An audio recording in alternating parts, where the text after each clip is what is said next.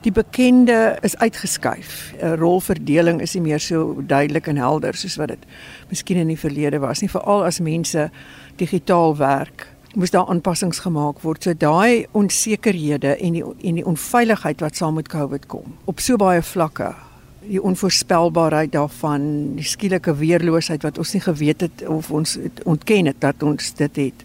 Al daai faktore dra by dat kantoorboelie skielik 'n nuwe ruimte het wat hulle miskien nie tevore gehad het. Wat baie akute snellers verskaf deesdae is aansteeklikheid of mense siek is of nie siek is nie of mense ingeënt wil wees of nie wil ingeënt wees nie. Inligting of disinformasie rondom hoe versprei COVID. Daai soort van goeters gee nuwe materiaal vir die kantoorboelies. Jy weet iemand sal byvoorbeeld siek wees en dan terugkom van en nie meer aansteeklik wees nie, maar dan sal die kantoorboelie byvoorbeeld sê ons kan nie naby daai persoon sit nie, selfs nie 1 en 'n half meter weg van daai persoon nie want daai persoon gaan ons aansteek. Uh, so dis 'n nuwe dinamika wat ingedra word in die werksomgewing as gevolg van COVID wat die kantoorboelie help om te floreer. Waar jy nou met jou kliënte berading doen en so aan, vind jy dat dit 'n uh, opgang toon?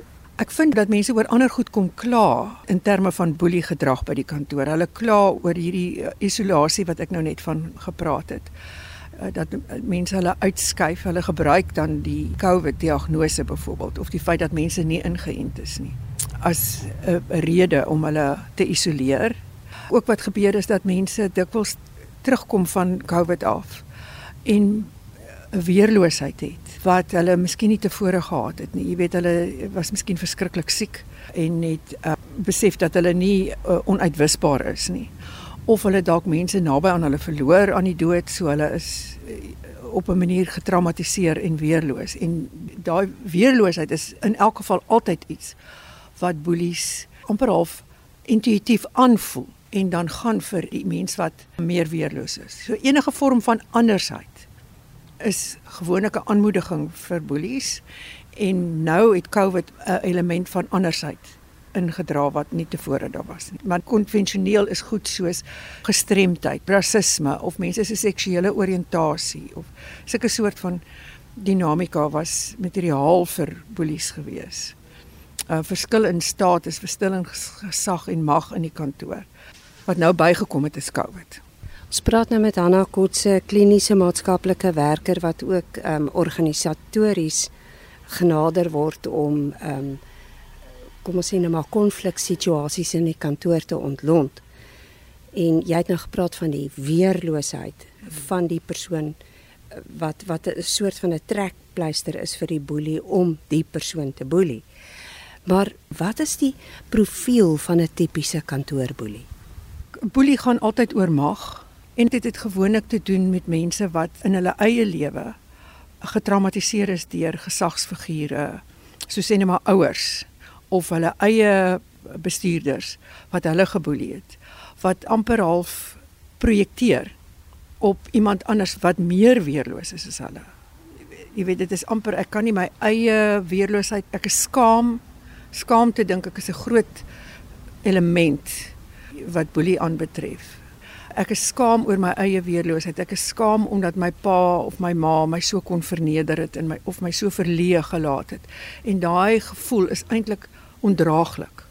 So dit word afgesplit en dan geprojekteer op iemand anders wat weerloosheid openbaar. Daai openbaar is nie noodwendig 'n uh, eksplisiete uh, openbaring. Jy lyk vreeslik anders nie.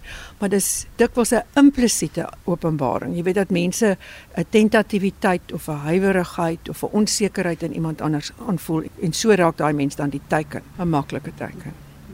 En dan voor Covid, wat was die patrone toe van die kantoor boelie? Hoe het hy sy mense geviktimiseer of sy haar mense geviktimiseer voor Covid? Maniere wat mense dit gedoen het is byvoorbeeld om persoonlike inligting bid op 'n manier aan te bied as net maar as 'n grap amper. En dan as iemand sê maar ek hou nie daarvan as jy dit sê nie, dan sê hulle maar ag ek maak net 'n grappie. Hulle sal sensitiewe goed sê, maar ek is ten minste eerlik. Of hulle sal vir mense opstel om te misluk. Hulle sal vir hulle opdragte gee wat hulle nie kan uitvoer nie of hulle sal hulle nie insluit in vergaderings of kommunikasie wat hulle moet ingesluit wees nie. Dit is byvoorbeeld baie tipiese maniere hoe mense voor die tyd geboelie het en nou gebruik hulle net COVID as die materiaal om mee te boelie. Sien maar ek gaan nou kantoor toe en hierdie wat jy nou gesê het, jy voel jy word geïsoleer, jy voel jy word verneder, maar is net 'n grappie soos jy nou gesê het. Hanna, eh, hoe kan enige kantoorwerker agterkom wanneer hy geboelie word? En dan natuurlik ook dan, hoe kan jy optree teenoor dit? In die eerste instansie begin mense half te twyfel aan hulle self. Mense dink miskien lees ek die tekens verkeerd of miskien is ek te sensitief of miskien is dit my fout. Dit is 'n groot talent van baie boelies om mense of the gaslight. Hulle draai die storie so dat jy die hele tyd dink maar miskien is dit eintlik my fout. Aanvanklik dink ek dink die meeste mense hulle lees die situasie verkeerd. Maar as die gedrag aanhou en dikwels sal kollegas ook begin sê, maar daai bestuurder praat daarom baie ongeskik met jou of is opvallend dat daai bestuurder jou uitsluit of jou idees steel. Um om boelie te bestuur is baie moeilik vir al as jy in 'n ondergeskikte rol is. 'n Mens kan natuurlik by jou lynbestuurder se lynbestuurder gaan kla oor die boelie. 'n Mens kan op 'n manier optree deur goed baie deursigtig te maak sonder om die boelie te beskuldig dat hy jou boelie maar net soort van daarop te wys dat jy uitgesluit is, dat jy nie in kennis gestel is of so nie.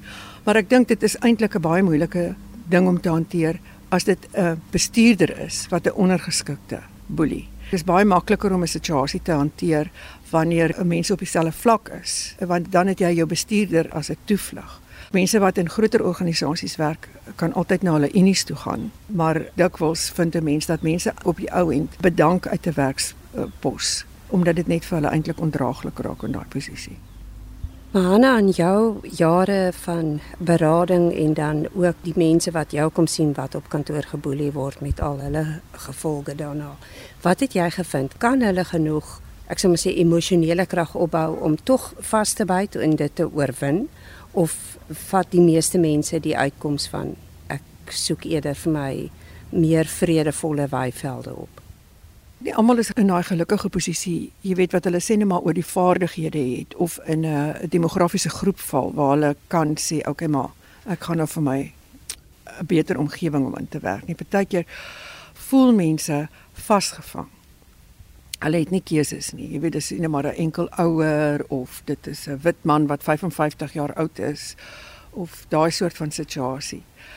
En natuurlik die feit dat mense vasgevang voel, dit op sigself maak hulle eintlik weerloos vir die boelie. 'n Bose kringloop. Ja, dit is eintlik soos 'n bose kringloop. Wat vir mense help is dan om dikwels te gaan vir 'n terapie wat hulle dan praat met die terapeut oor hierdie ervaring en maniere te ontwikkel om hulle self amper half te desensitiseer want kyk die boelie kan net iemand boelie wat weerloos is. So die terapie is dan gerig daarop om die persoon wat geboelie is in aanraking te laat kom met sy eie gevoel van bemagtiging en sy eie gevoel van waardigheid.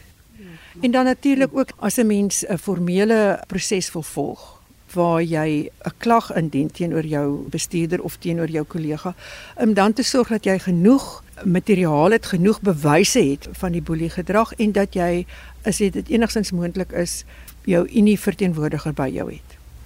Dan net ter afsluiting wil ek twee boodskappe by jou kry. Die een is vir die kantoorboelie en die ander een is vir die werker wat geboelie word.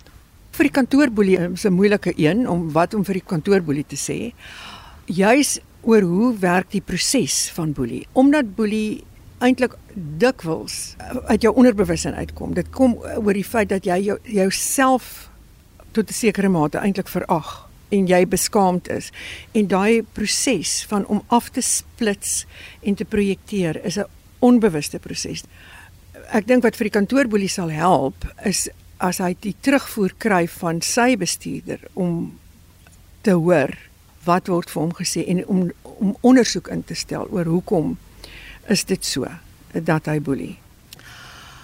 Vir die slagoffer van die boelie is dit belangrik om te begin dink oor hoe jy dink. Hoe jou eie gedagtepatrone of die boelie help om in te speel op jou eie beperkende gedagtepatrone.